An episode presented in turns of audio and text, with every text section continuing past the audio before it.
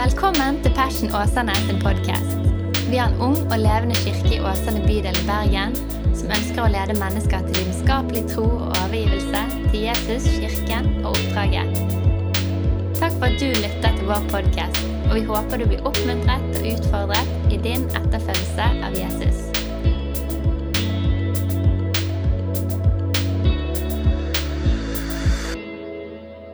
Da er det min glede å kunne få lov til å invitere fram Arne Skagen. Og vi skal ha en liten sånn Kan få å sitte på den hvis du vil. Rekestol. Kan jeg stå òg, eller? Du kan stå Ja. Følte meg så gammel hvis du skal stå, jeg skal sitte. Men jeg kan godt sitte. Ja, altså, Vi har jo hatt noen intervjubolker nå i høst eh, på og det har vært stor suksess. Så jeg tenkte at hvor gøy er ikke det å ha med oss dagens predikant og få lov til å stille ham spørsmål? Så derfor var ikke han på. Men eh, godt å ha deg her, Ja, Det godt å være her. Absolutt. Kjente trakter. Jeg vokste opp liksom rett borti her. så Jeg var på skøyter her nede og spilt fotball her borte. Søndagsskolen Nei, jeg var der inne. Det må være 50 år siden jeg var der sist. Hvis jeg, jeg tenkte ikke å spørre hvor gammel Nei da, men da er jeg ti år eldre enn det. Så da er jeg Det var jeg eh, altså for 10, det var 50 år siden. Da var jeg 13 år. Ja. Så nå er jeg 26. Så forrige gang Så forrige gang du var her, det er altså gått tilbake til eh, det var, det, jeg tror det var sånn yngre-samling, og så var det en fra Madagaskar som var det, som het Rakato Salam og Yao Fera. imponerende å huske det. Ja, jeg kan jo si hva jeg vil, men det er riktig også. Det stemmer. Jeg er også imponert over det navnet. Så du kommer fra Tertnes, Ja. og foreldrene dine jobbet på Tertnes. De var på Tertnes, ja, på lærer på Tertnes skole. Så hvis vi antar at du er en Åsane-gutt, det stemmer? Ja, det stemmer veldig godt. Hvordan har det å altså Vi i Passion er jo altså, vi er ubalansert glad i denne bydelen. Ja. Men hvordan har det å komme på Åsane preget deg? Nei, altså, du vet, eh, det var vel mitt tidligere liv her ute, da. Og så fikk jeg et nytt liv, og da var jeg ikke Åsane-boer lenger. Da, da var jeg, eh, jeg bodde i Åsane, Jo, jeg bodde i Åsane, faktisk, da. men ikke på Tertnes. da. Så eh, Nei, så jeg hadde jo en eh, kjekk oppvekst i et kristent hjem. Men jeg, eh, jeg eh, gikk noen runder før jeg tok en beslutning, så jeg var vel 26 når jeg fikk et nytt liv. Ja, Så da gikk jeg på null igjen. Og for de som ikke kjenner deg, sivilstatus gift. Ja, gift med en kone. Jeg pleier å introdusere henne som Kjersti. Det var en kone fra mitt siste ekteskap. Og første. Og har fire og voksne døtre og fem barnebarn. Ja. Så det er stas. Hva har du jobbet som?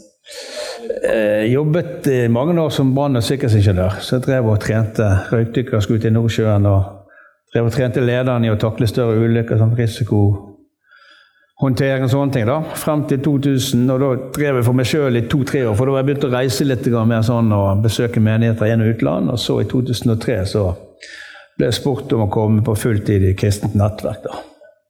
Som er det, den delen av familien som vi hører til med. Kristne fellesskapsmenigheter rundt omkring i landet.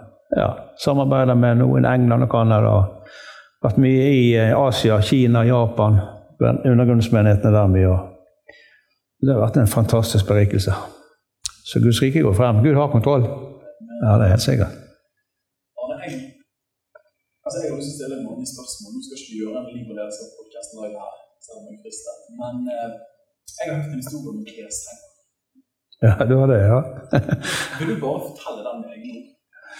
Ja, altså, det kommer an på hvilken klessenger Jo, jeg tror det er hvilken klessenger du tenker på, men det er jo mange av dem. Men, eh, nei, men det her var jo sånn Jeg har jo alltid vært eh, Jeg snakker mye om Den hellige ånd. da, vet, jeg ble født på ny, så hadde jeg liksom før det så hadde jeg vært borti den at Jeg var for tydelig på at det fantes en åndelig dimensjon.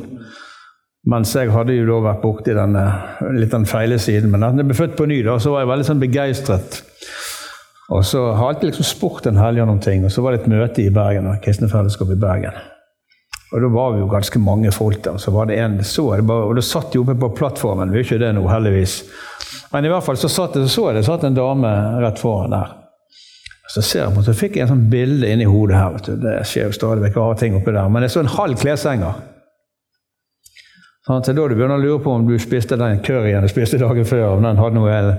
Men i hvert fall så har jeg lært det ikke liksom å bare slå det vekk. Så jeg spurte jo Den hellige ånd om dette var for han eller det bare var meg. da. Var mest, det var jo mest sannsynligvis det siste. Men han gikk ikke vekk, altså.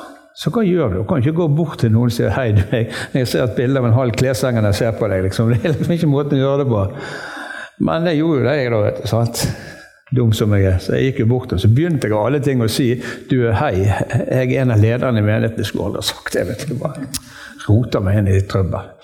Ja, og så fortsatt. Jo, altså Av og til så taler Gud til meg, sånn, så det var jo andre feilen jeg gjorde. Så nå var det liksom ingen feil. Nå var det bare fullstendig Enten var det skivebom, eller så var det et eller annet på gang. Så sa jeg må dele dette med deg, sa jeg, for uh, jeg så på det, så fikk jeg en bilde av en halv kleshenger. Og så ser hun på meg. Jeg kan tenke det første hun kom på møtet. Så kommer det en leder bort og snakker om halve kleshenger. Og, så, og da kom det plutselig sånn litt mer. da, Så jeg sa jeg tror du, livet ditt, du har det ikke så godt, og livet ditt er et eneste kaos. og Det fungerer ikke. Det er omtrent som du henger klærne opp en halv kleshenger. det er liksom Alt faller bare til jorden. Så står hun opp, så løper hun, går hun ut av bygget. Eller hun løper egentlig, og jeg tenkte nå har jeg skikkelig gjort altså. Så for meg overskriften i Bergens Arbeiderblad 'Gal predikant', liksom. og men det som skjer, det er at når hun kommer ut i bilen, så bøyer hun hodet sitt og så sier hun, 'Jesus, nå vet jeg at du fins. Herre, kan du komme inn i livet mitt? Jeg ønsker å gi livet mitt til deg.' For det som hadde skjedd dagen før, så hadde hun vært hos søsteren, og søsteren var med i menigheten i Bergen, kristen fellesskap i Bergen. Så har de snakket sammen. Så sier hun her damen her, det er så lett for deg, alt i orden. Du, du, tror på Jesus, du er med i menighet, du har mange gode venner, orden på livet ditt. Men vet du hva, for meg det er ingenting som funker. Det er, det er så vanskelig. Jeg er så lei. Og hvis jeg kan forklare deg liksom akkurat hvordan jeg føler deg, så er det akkurat som jeg tar klærne mine og henger det opp på en halv kleshenger. Så der var Herren.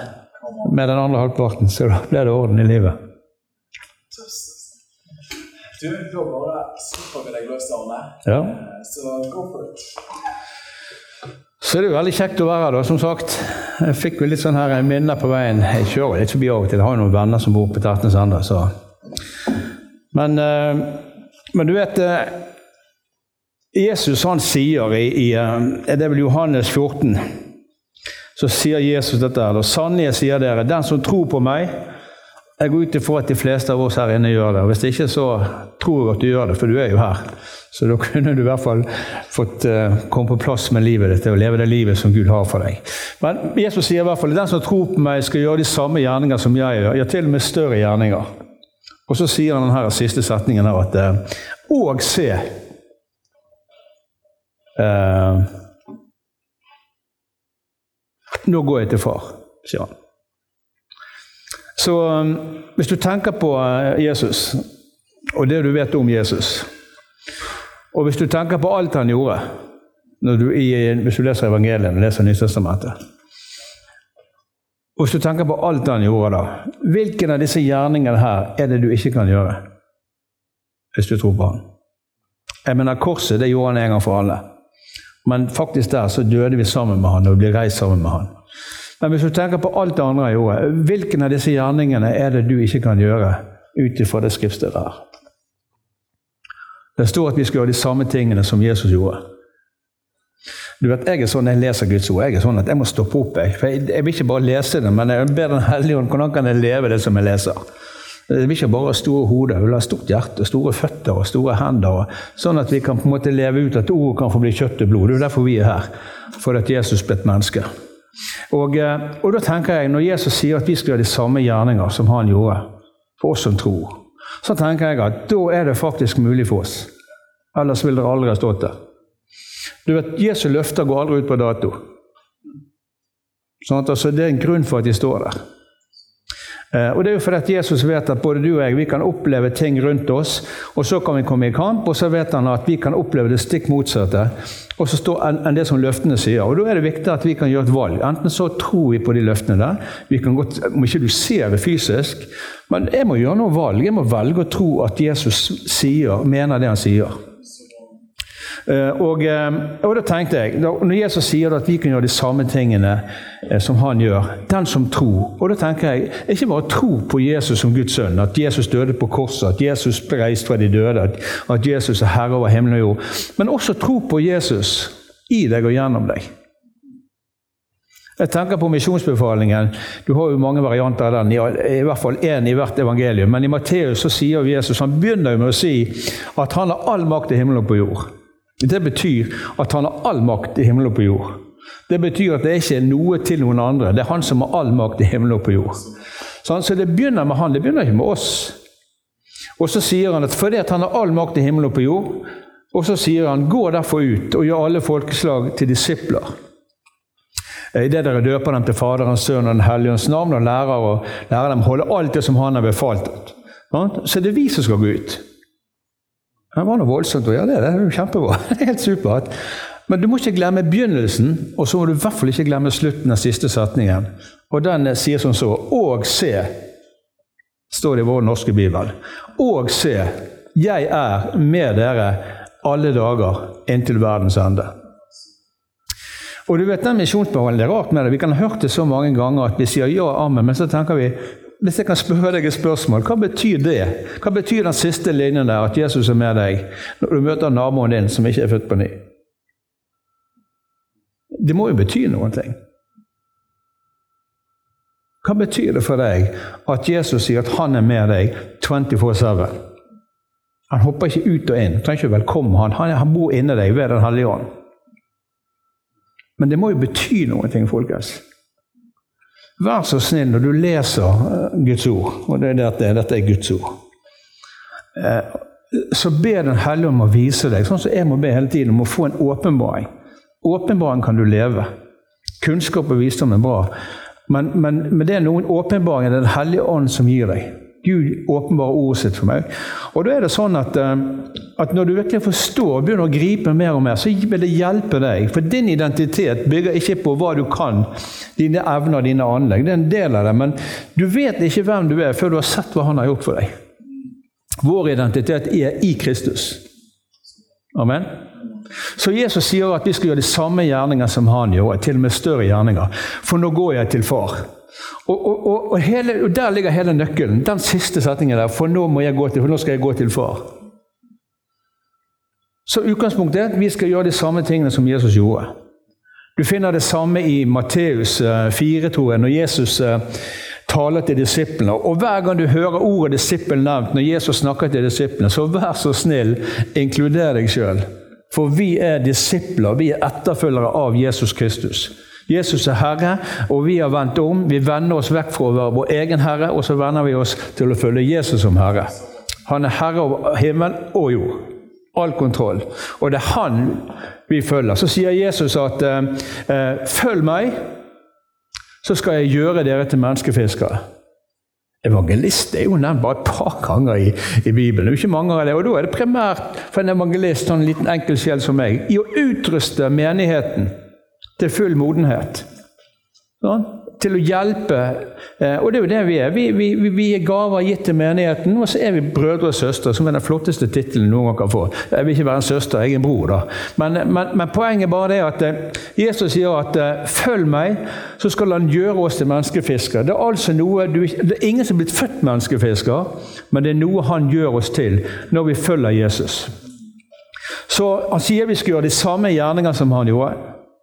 Og så sier han at når vi følger han, så vil han gjøre oss til menneskefisker. Det er et løfte.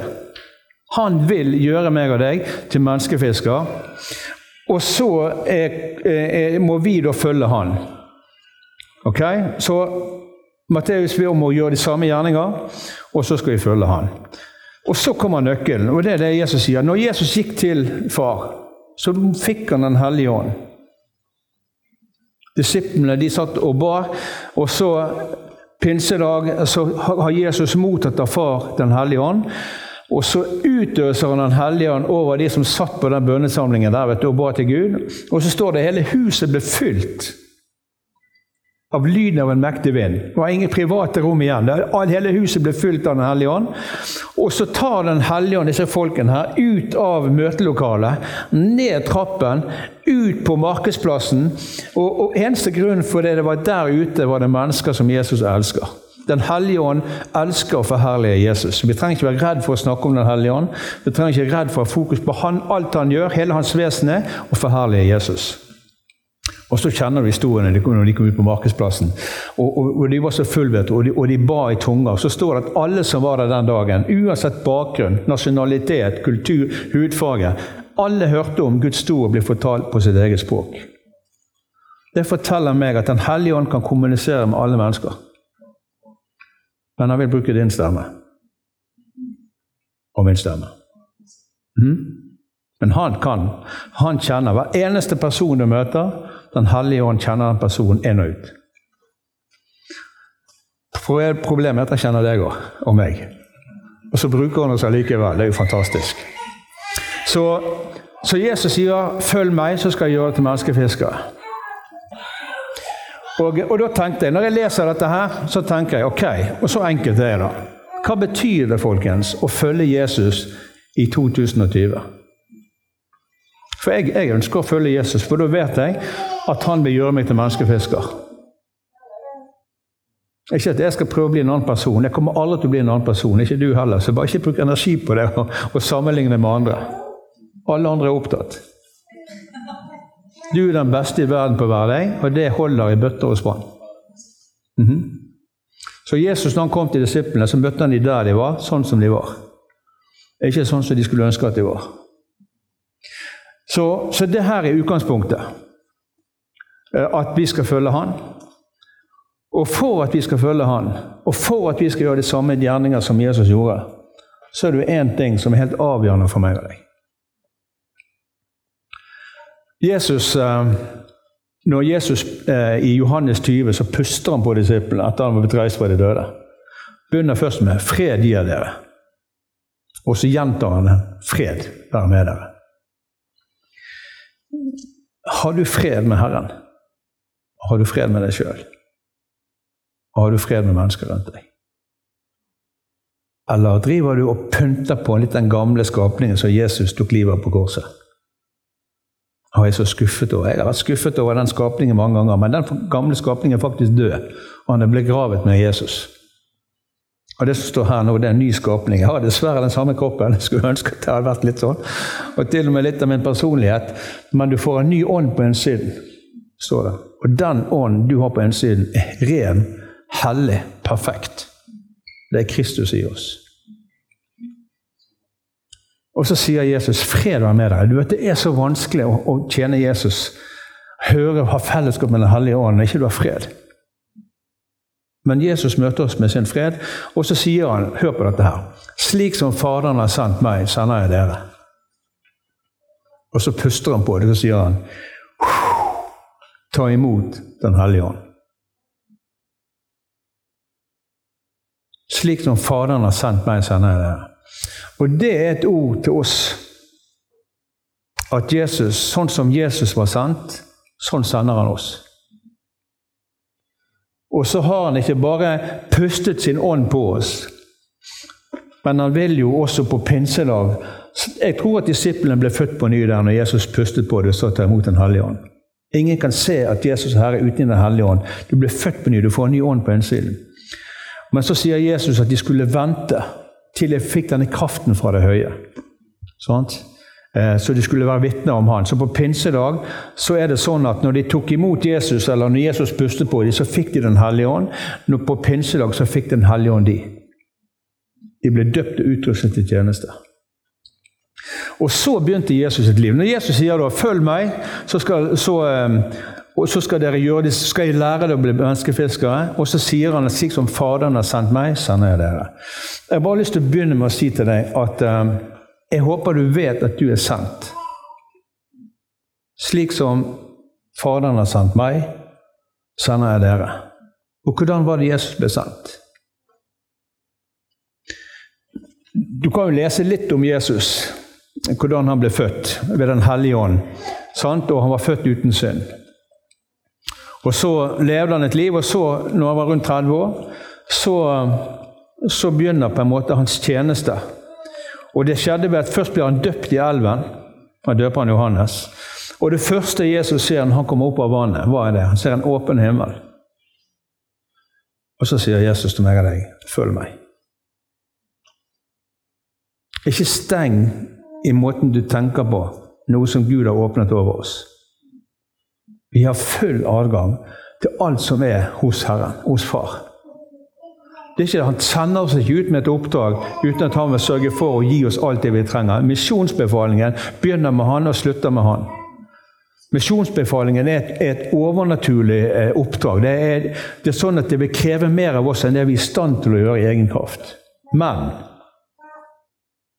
den samme ånd som var over Jesus, den samme ånd som kom over Jesus Kristus, den samme ånd som det står om Jesus, at han ble drevet ut i orken. Han var ledet av Den hellige ånd. Han var drevet av Den hellige ånd. Han kom tilbake fra ørkenen mer full av Den hellige ånd. Den samme hellige ånd bor i deg. Så ikke fortell meg at ikke du kan gjøre det Jesus ber deg om å gjøre. Ikke ha fokus på feil person. Du må ha fokus på den nye deg. Salvet av Den hellige ånd.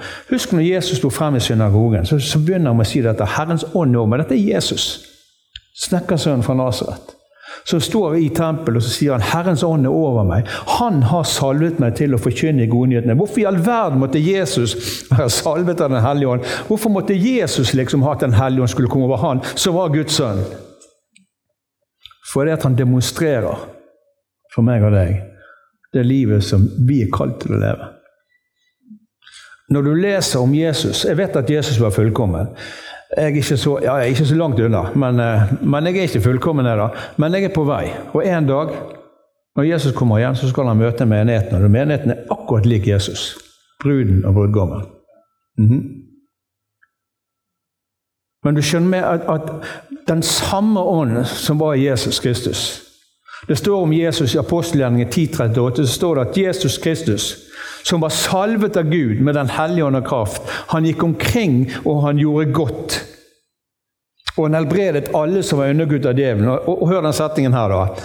Han var i stand til å, altså Jesus var i stand til å gjøre alt dette fordi Gud var med ham. Husker du? Og se, jeg er med dere hver dag, like til jordens ende. Folkens, det er den samme ånd som var i Jesus, som kom over Jesus, som ledet Jesus. Jesus sa ikke ved makt, ikke ved kraft, men med min ånd, sier Herren. Den samme ånd bor i oss. Og hva betyr det for deg i møte med livet? I møte med mennesker? Du vet, Vi kan være så fascinert av liksom eller ikke alle kristne, noen er jo redd alt som har med Den ånd å gjøre. Det kan jeg skjønne. Vet du, jeg har gjort masse rart, og folk kan sikkert tatt anstøt av det, men du kan ikke dømme og si en Mercedes en dårlig bil for den sjåføren er elendig. Det kan du ikke gjøre. Og Gud bruker ikke perfekte mennesker. Men han bruker villige mennesker. Men det her som er viktig for meg, det som jeg ønsker å formidle i dag, det er at eh, at Jesus prøver å vise deg at du er sann på samme måten som han var sant. Så når Jesus da, først at Jesus ble døpt i, i elvene Hvorfor skulle Jesus bli døpt, da? Følg meg. Og Så kommer han opp igjen, og så er det en åpen himmel, og så, og så kommer Den hellige ånd over ham. Og så hører han far sin stemme som sier, 'Sønn, jeg elsker deg, og jeg har sånt behag i deg.' Til og med før han hadde gjort særlig mye. Og Da er min bønn at du hører den samme stemmen fra far, som sier 'sønn eller datter, jeg elsker deg, og jeg har så stor behag'. Ja, men jeg har jo ikke et sønn eller datter, jeg elsker deg.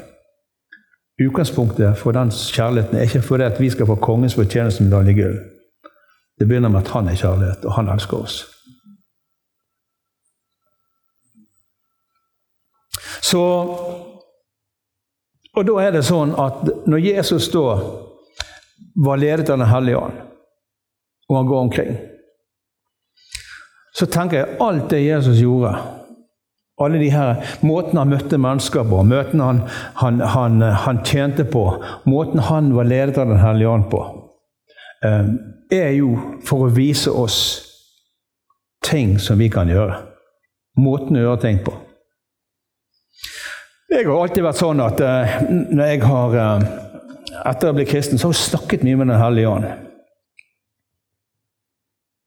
Og, eh, og du ser Når Jesus gikk omkring, så var han salvet av Den hellige ånd. Den hellige ånd ledet Jesus til mennesker. Hvordan tror du Jesus kunne vite at den mannen som satt oppe i treet, het Sakkeus?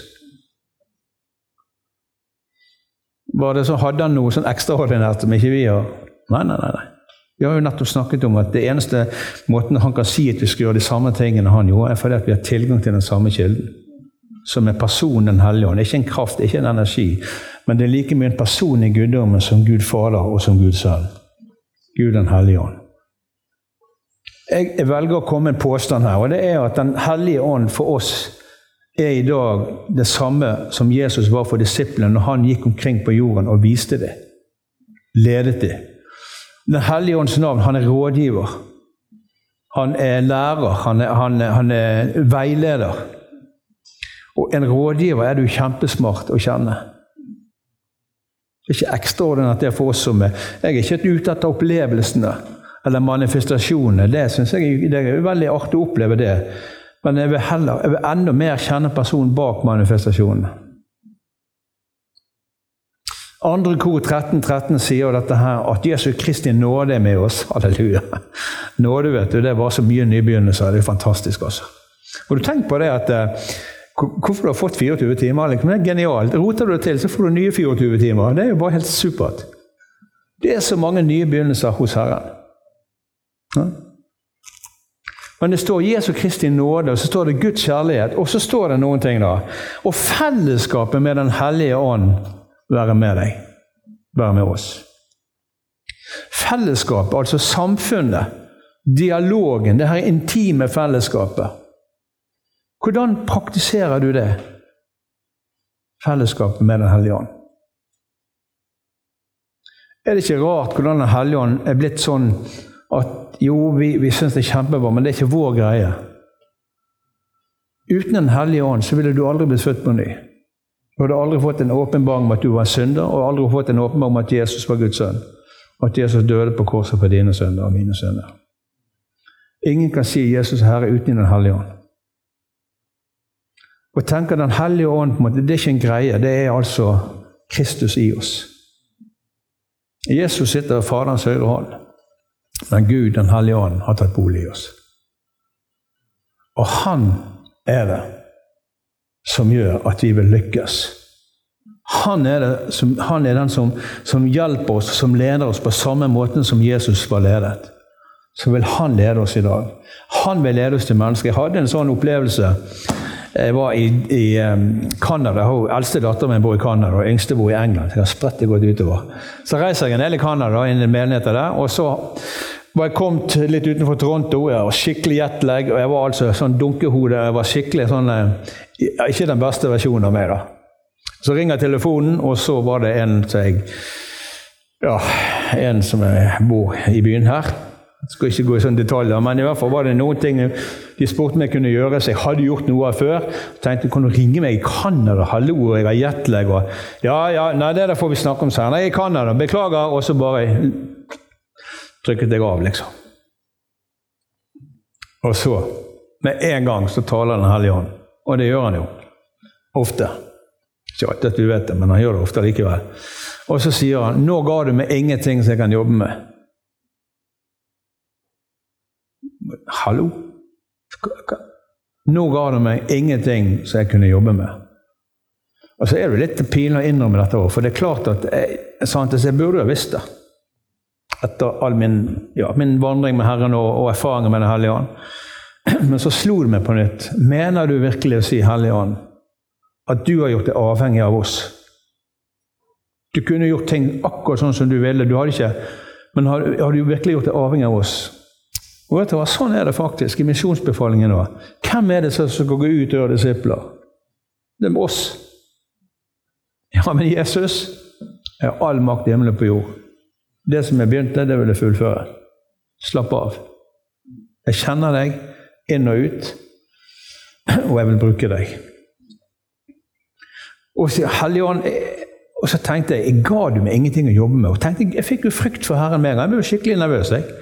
Så jeg tenkte, hva gjør du? Nå må jeg sende en ny melding. Og jeg sendte en melding. ja, Beklager, jeg var litt i jetlag-modus og trøtt, men selvfølgelig kan vi treffes igjen. Ha en velsignet uke. Og ding, så gikk den opp i luften. Og så ding, kom jeg tilbake igjen. Ja, en velsignet uke til deg også. Og da visste jeg ikke hadde jeg forkynt evangeliet, ikke hadde jeg sitert skriftsteder, men jeg visste en ting, at jeg hadde gitt Den hellige ånd noe å jobbe med. Fellesskapet med Den hellige ånd. Så når jeg kom tilbake igjen en uke etterpå, og sånt, gikk noen dager, så tenkte jeg må jo hilse på dem. Så jeg ringte jo på, og sånt, og ja, og så å, koselig, ja, jeg må komme opp. Og så viste vi deg problemet.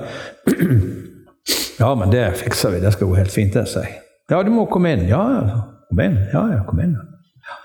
Ja, og så begynte vi liksom å snakke sammen, og, og da vet jeg at nå har Den hellige ånd vært der før meg. Jeg tror det. Hver eneste person du møter, så har Den hellige ånd allerede vært der. Han går foran oss, han går bak oss, han går med oss. Han er i oss. Det gir meg litt mer tro. Amen.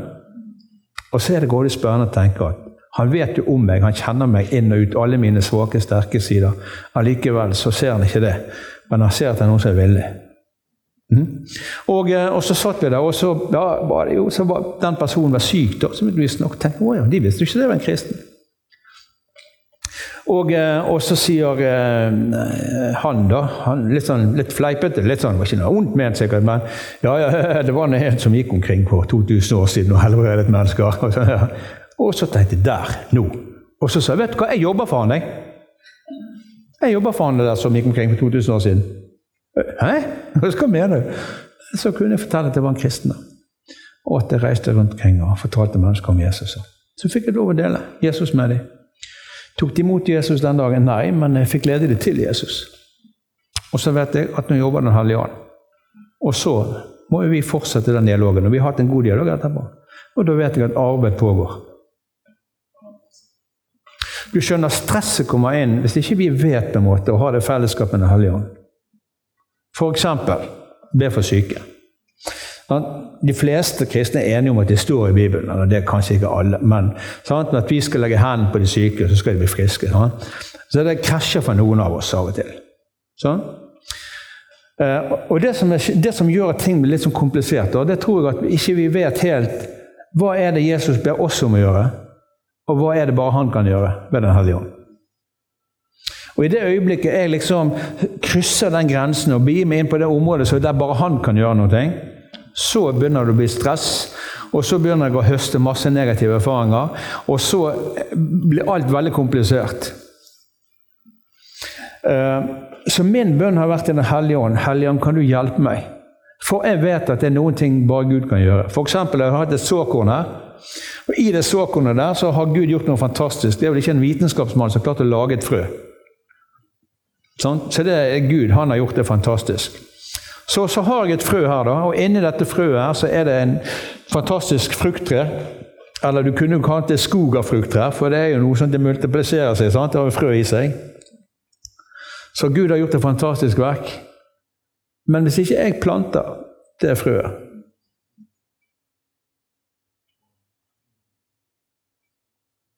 Og sånn er det med fellesskap med den Jeg aner ikke hvorfor. Jeg skjønner ikke hvorfor Gud har valgt liksom å inkludere oss i sin himmelske plan for denne jorden her. Men vi er altså her fordi at vi har fått et oppdrag. Meg og deg er her fordi vi er sendt. Og hvis du er sendt, denne kommer du fra? Bibelen snakker om at vi er ikke av verden, vi er i verden. Men vi tilhører et annet rike.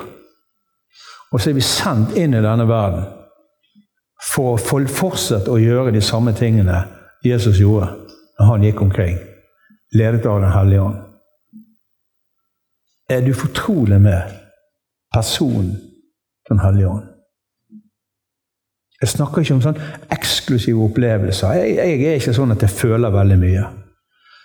Av og til kan jeg føle Guds nærvær, men noen ganger vet du, jeg er på bønnemøte og ser de ved siden av meg. De blir satt ute. De er jo nede på knærne sine, og, de, og tårene renner, og det er jo ekte. Og det er en sånn, og jeg tenker, kjære Gud, hva er veien med meg? Jeg står jo bare der med hendene i lommen og tenker Men jeg kan prise Gud allikevel.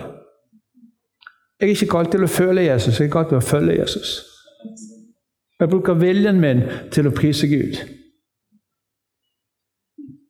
Så mange kristne som, som sliter fordi de, de, de, de, gjennom omvendelsen kom fordi de fikk en følelsesmessig greie der. Og, og, og så, men når følelsene går, forsvinner det, hva da? Så fellesskap med Den hellige ånd Det at vi kjenner personen Den hellige ånd. Og du vet, jeg, Hvis han er min rådgiver Jeg er så dum og enkel. Jeg, altså, jeg er ikke dum, men la meg si enkel. At jeg snakker med Den hellige ånd og jeg ber han om å lede meg inn i situasjoner hvor jeg kan få lære mer, kjenne hans stemme. Ikke fordi at jeg skal, liksom skal bli sånn ekstraordinært, men jeg ønsker å bli kjent med den egentlige meg, menneskefiskeren Arne Skagen. Jeg ønsker å bli kjent med den, den, egentlige meg, som er salvet med Den hellige ånd og kraft, og som kan gjøre de samme tingene som Jesus gjorde når han gikk omkring på jorden. Og Da kan jeg sitte og snakke med Den hellige ånd. Eksempelvis sånn at jeg, En gang så satt jeg i bilen. Jeg skulle, jeg skulle vært der jeg alene i bilen. altså. Kjære venner. Jeg husker en gang jeg var på bønnemøte oppe i uh, Mølenlandsbakken. Vi hadde lokale der, og, og, det var varmt og det var sommer, og jeg priste Gud i bilen og ba høyt i tunga. Ja, Jeg gjorde det, altså. Og kom til et lyskryss, og jeg satt der og kauket på. Det var helt fantastisk. Sånn. Så ser jeg plutselig at den bilen ved siden av meg han sitter og glor på meg. Og så ser jeg plutselig at vinduet på min side der, det var helt nede. Og vinduet på hans side, det var helt nede. Så han var ufrivillig med i et bønnemøte, men det var litt morsomt da. da. Men, i hvert fall så satt jeg en gang og snakket så tenkte jeg, hva ville skjedd? Hva, hva ville jeg gjort for eksempel, hvis noen hadde ringt eh, og så hadde de sagt eh, 'Å, feil nummer'? Det var en sånn idé som kom i hodet på meg. vet du. Eh, og så tenkte jeg jo, da kan du vel gjort sånn og sånn og sånn. og sånn. Så går det en uke, så ringer telefonen, så tar telefonen så 'Hei, Skagen, vær så god.' 'Å, beklager, feil nummer.' Og med en gang så tenkte jeg nei, nei, nei. nei. Og sa det høyt. vet du. 'Nei, nei, nei, nei det, det, det, det er ikke feil nummer', sa jeg. Jeg har ventet på at du skulle ringe meg. Nei, men dette må du forklare. Ja, ja, nei, du skjønner, jeg er kristen, og få uker så snakket jeg med Gud, og så fikk jeg nesten sånn inntrykk av at noen skulle kanskje ringe meg og, så, og, si feil nummer. Og da skulle jeg si nei, nei, nei, det er ikke feil nummer. Jeg tror at du er kalt av Gud, stemmer ikke det? Det ble helt stille. Jo, jeg er kalt av Gud. Ja, men da kan jeg hjelpe deg. For Jesus elsker deg. Og så fikk vi snakke sammen. Og så går en respons på evangeliet og tok imot Jesus. Og det var ikke meg som begynte det. Men det var den praten med Den hellige ånd. Og, og kan, det kan være veldig forskjellig. Men hvordan Gud taler til deg, og hvordan han taler til meg, det er ikke så viktig. Det viktige er at du hører hans stemme, og at vi er lydige og gjør det som han ber oss om å gjøre. Men fellesskapet med Den hellige ånd det er helt avgjørende for meg, både når jeg leser Guds ord, at jeg snakker med Den hellige ånd som har skrevet boken. Så Hellige ånd, kan du hjelpe meg til å forstå? For noen ganger så må jeg bare innrømme at du kan lese og lese og lese, sant? og du, du kan høre forkynnelse, og det er veldig bra. Men det er jo Den hellige ånd som har skrevet boken, at han også kan hjelpe meg til å stoppe opp til å meditere på Guds ord. Um, og ikke minst når det gjelder det å, å lede mennesker til Jesus.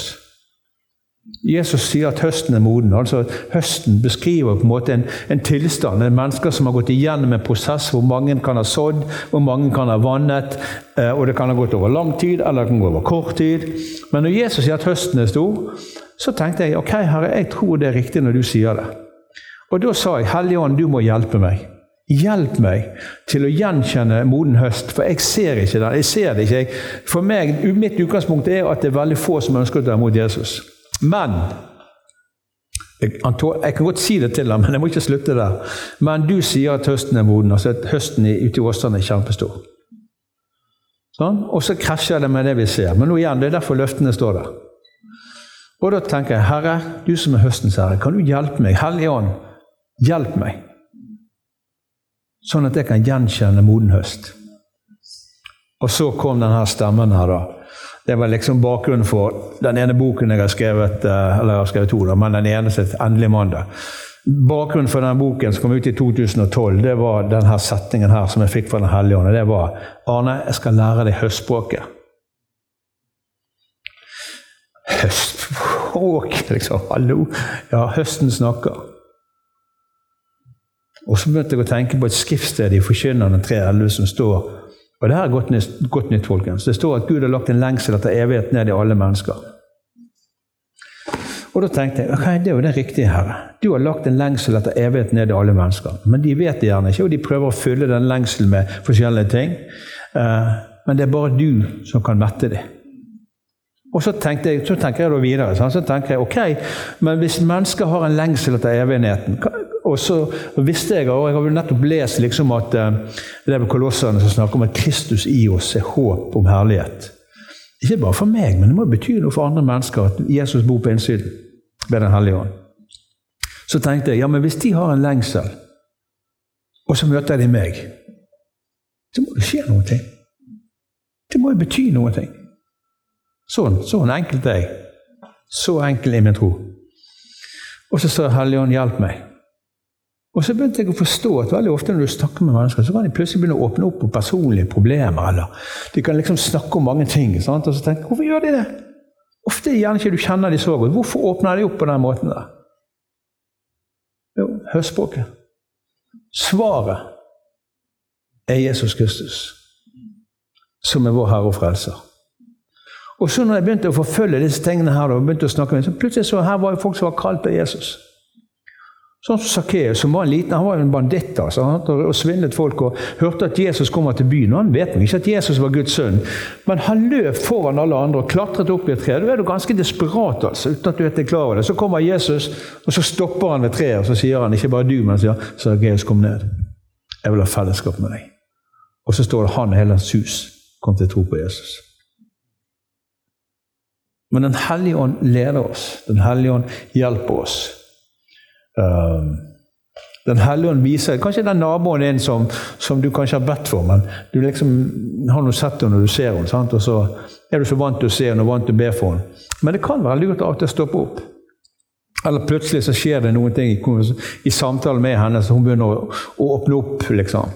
Og Da må du være litt var for at hun kanskje sender signaler til oss. Men nøkkelen for meg er ikke hvordan det skjer, men nøkkelen er at du ber Den hellige ånd om å lære deg, lede deg. Om du aldri har ledet noen mennesker til Jesus, så er det historie. Du kan ikke leve i nå fremover på den pølsen du spiste for to uker siden. Altså Det er én dag om gangen, og livet ditt er bare masse dager. Og Den eneste dagen du kan følge Jesus, det er i dag. Så jeg tenker, ikke møt liksom morgendagen med gårsdagen. Ikke, ikke møt det som kommer, med det som har vært. Uansett hvor bra det enn var, så er det fortid. Altfor mange kristne lever enten i fortid eller i fremtid, og så mister du dagen i dag. Du kan aldri hoppe over det første steget. Det, nytter ikke. Du kan ikke, du kan ikke altså, Du lever fremtiden inn i dag, om du vil. Men Jesu Kristi nåde og fellesskapet med Den hellige ånd Hvis du leser i Nytestamentet, der, se hvordan Jesus hele tiden var ledet, og hvordan han møtte mennesker. Og du vet, Ofte så er det altså så enkelt at du aner det ikke. Sånn at En kamerat av meg vi hadde snakket om dette med høstspråket. Og Det er så ofte så enkelt. Men hvorfor, kan, hvorfor skal det være så komplisert? da? Hvorfor skal det være så veldig vanskelig? Og Vi hadde snakket om det, så sa han ok, og han oppe i Nord-Norge så skulle han bo i en ferge. Da, da ser han han billettøren, og han så ut som han hadde en dårlig dag. Og han kameraten min han sa, spinner med hva du, hei, 'Hvordan går det med deg?' sa han. Men så svarte han, vet du. Han sa jo 'Nei, det går ikke så bra'. Å, søren, svarte han òg, liksom. 'Hva gjør jeg nå', liksom? Ja, nei, det går ikke så bra. Å ja, um, du kan ikke ta en kopp kaffe etterpå når du er ferdig med Jo, jo. Så satt du oppe på fergen og tok en kopp kaffe, og så begynte han å fortelle. Høstspråk. Og så ble de enige om å møtes igjen noen uker senere. Det som skjer, er at han tar imot Jesus. Konen tar imot Jesus. Barna i boksen, eller noen av barna tar imot Jesus. Det var noen naboer rundt det som kom igjennom til livet med Gud. For da var det jo flere i menighetene som de ble en del av. Sant? Og som de, vi sto sammen. Det var sånn teamarbeid. Og så var det en alkoholisert onkel der som bodde i sånn liten eh, plass der, som ble født på ny, og folk begynte å se forandringen i han, og så begynte den snøballen bare å rulle. Jeg husker en gang jeg var der oppe, da var moren og faren til han, billettøren der, da, eh, hun hadde diabetes, og så hadde hun forferdelige smerter i foten. Det var snakk om amputering.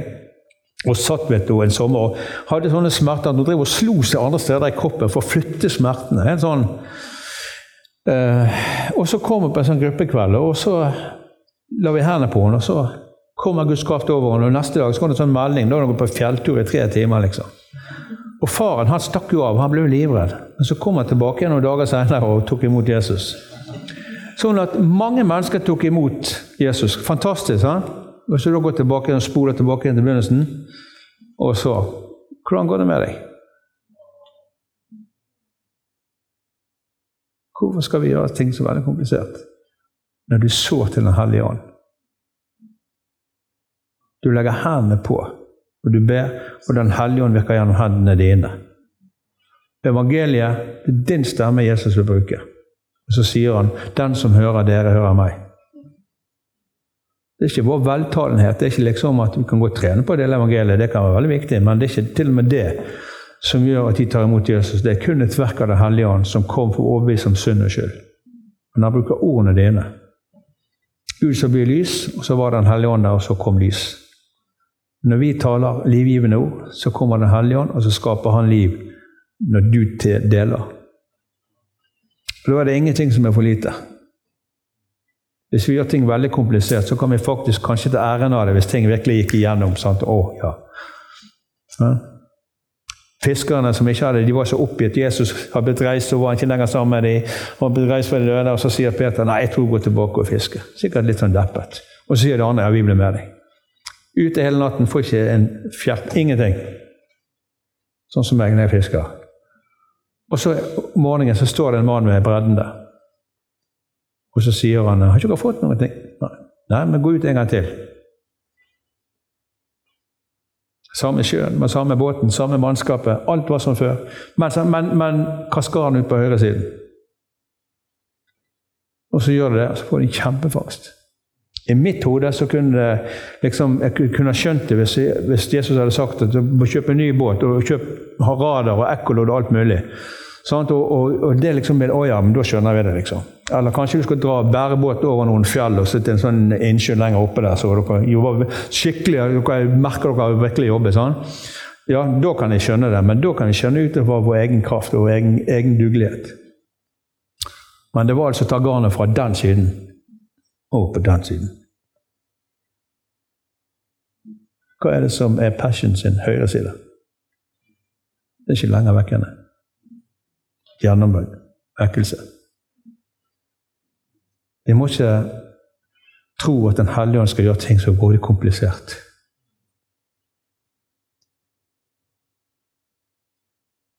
Amen. Så du deler evangeliet, så gjør du tro til Gud. Legger hendene på syke, gjør det tro til Gud.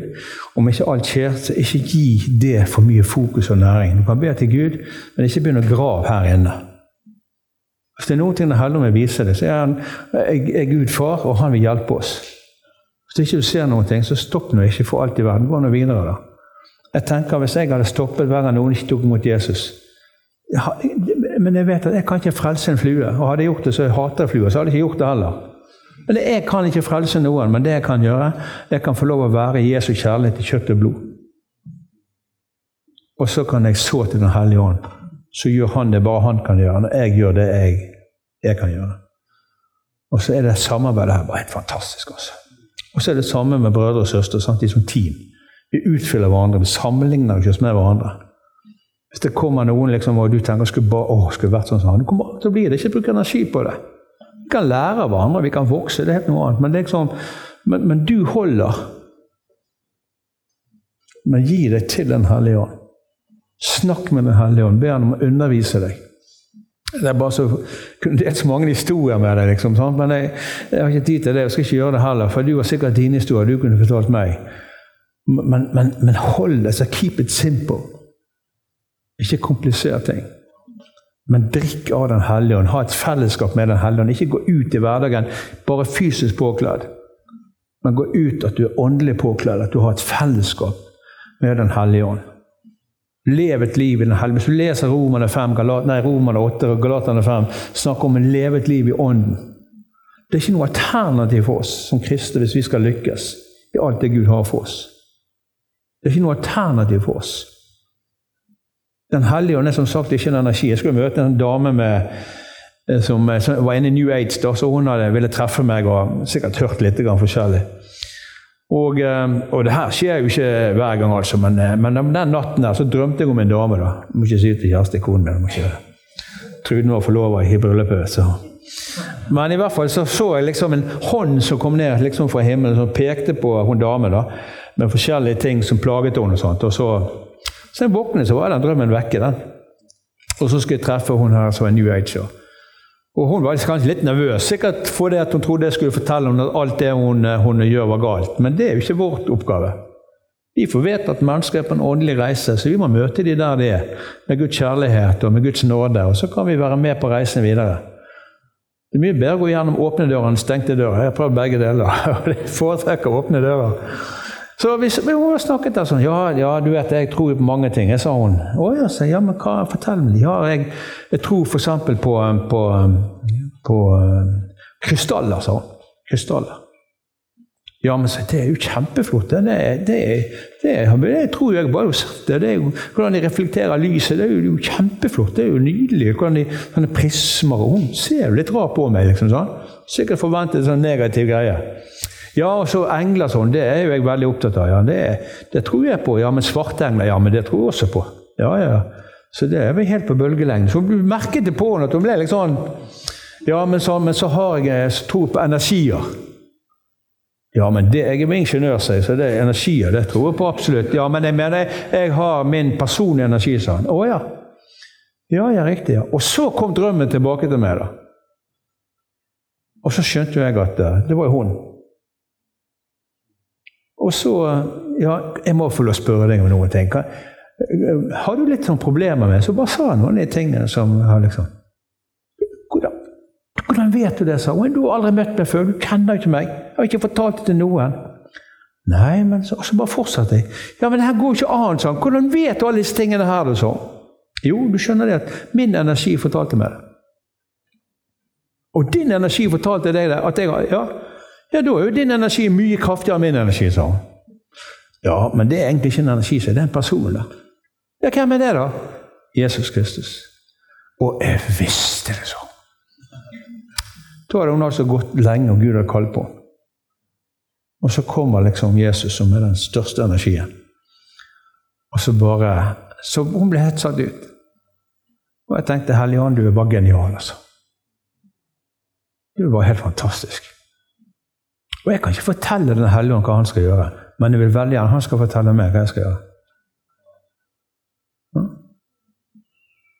Og det som jeg deler med deg nå, det er, det er egentlig normalt. Om, om, du, altså om hvordan og, og historiene og Jeg får masse navn på mennesker.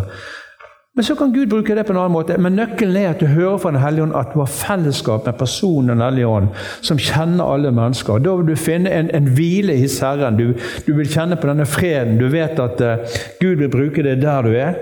Og så ikke gå venn på liksom, at du skal bli en person, liksom, den, bli en som du virkelig ønsker å bli. Det er lydighet mot Jesus når vi går og er lydige mot Den hellige ånd, så vil han gjøre oss til den personen som han vil at du skal bli.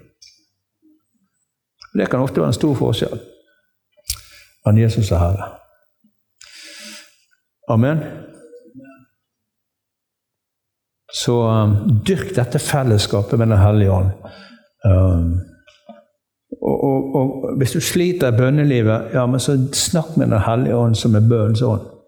Hvis du syns det er vanskelig å lovsynge Gud og synge og de samme sangene om igjen om igjen, om igjen, så må du huske at Den hellige ånd han er også en ånd du kan tilbede Gud i sannhet og i ånd. Han hjelper deg også å tilbe. Hvis du sliter litt i relasjoner til brødre og søstre, og det lugger litt sant? Du har aldri opplevd det, du, men det kan jeg ha opplevd av og til. Så vet jeg altså at jeg må ikke stresse med det, men jeg vet at nøkkelen er faktisk Roman 5.5, som sier at Gud har utøst sin kjærlighet i mitt hjerte ved Den hellige ånd. Den hellige ånd hjelper meg til å elske mennesker. Det er fruktene av den, en av åndens frukter. Kjærlighet fred og glede og overbærenhet. Sånn at når du drikker av Den hellige ånd, ved at du tilber, ved at du bruker munnen din, du takker Gud, kan du lese om det i fesene 5, så drikker du av Den hellige ånd. Og når du er lydig imot de tingene som Jesus ber oss om å gjøre, og du handler i tro til Gud, så blir det mer og mer Jesus, mindre og mindre av Arne Skogen. Og det er i grunnen helt ok for meg. Stort sett. Men kjenner du har du fellesskap med Den hellige ånd. Når jeg ber for mennesker, ofte når jeg skal be for ufrelste eller naboene mine, så, så ber jeg ofte Hellige ånd, vis meg det ting jeg trenger å se. Jeg skal avslutte med dette her med Peter og Johannes som hver dag er oppe i tempelet for å be. En kjempegod vane. Og Hver dag passerer denne mannen som er lam, og som ligger utenfor porten. Mandag, tirsdag, onsdag. Og så plutselig torsdag så stopper de. Så ser de på denne mannen her, og så, og så sier de at sølv eller gull har jeg ikke. Det er en merkelig ting å si. Men det vi har, det gir deg. I Jesu Nazareans navn, reis deg. Så tar de tak i hånden til denne mannen løfter han opp, og så blir han helbredet. Og tenker, Hva i all verden som har skjedd fra dagen før og dagen før der igjen? De hadde fått en helt ny identitet. De hadde blitt døpt i Den hellige ånd. De hadde vært opplevd pinsedag, som gjorde at når de møtte den mannen der, så møtte de han fra et helt annet utgangspunkt. De kom fra Kristus, og de kom med Kristus. Og Den hellige ånd viste dem hva Jesus ville gjøre der. Og så tar de i hånden, og så kommer Den hellige ånds kraft og helbreder. Ja. Plutselig, du vet, Når du lever i Den hellige ånd, så vil du vite hva du ikke har i deg sjøl. Og så vil du vite hva du har i Kristus. Og det er det riket vi tilhører. Amen. Sånn at Åsane trenger oss. Åsane trenger den passion. Men ikke, ikke, ikke, ha, ikke ha fokuset på feile ting. Ha fokuset på Kristus. Følg Kristus, så er korset sterkest den veien der. Hvis det ikke er den biten er der, så er det ikke den delen der. Men hvis vi følger Jesus og er lydige mot Han, så er det noen ting som følger oss. Men det kan ikke bli motsatt. Hvis du følger de tingene, så kan du ikke følge Jesus. Amen. Så Jesu Kristi nåde og Guds kjærlighet og fellesskap med Den hellige ånd være med deg i din hverdagsvandring. I møte med høst. I møte med mennesker som roper til Herren. Far, jeg bare taler gjennombrudd for alle oss, Herre. Herre, lær oss å gjenoppdage vår egen hverdag, Herre. I lys av ditt ord, Herre. I lys av deg, Jesus. Hellige Ånd, jeg ber om at du lærer oss, underviser om det fellesskap med deg. At vi kan eh, søke deg for alle ting. her. At ikke vi forteller deg heller om hva du skal gjøre, men at vi, at vi er blitt inkludert i den himmelske plan her. Hvor du ikke bare begynner ting gjennom oss, men du er alfa og du er også omega. Du vil fullføre det her. Så jeg bare velsigner eh, menigheten i Passion, Herre. Og jeg bare taler gjennombrudd her i hverdagsvandringen her for hver eneste en her og for menigheten her at det skal være en bevegelse som beveges av Den hellige ånd her, og ikke noe annet her. I Jesu mektige navn. Amen. For at du lyttet til vår podkast. Hvis du synes det var bra, så del den gjerne med noen flere. Vil du vite mer om hvem vi er, hva som skjer, og kanskje besøke en av våre gudstjenester, se vår nye hjemmeside på passionåsane.no, eller følg oss på sosiale medier. Helt til slutt, ta imot Herrens velsignelse. Herren velsigne deg og bevare deg. Herren la sitt ansikt lyse over deg og være deg nådig. Herren løfter sitt åsyn på deg og gi deg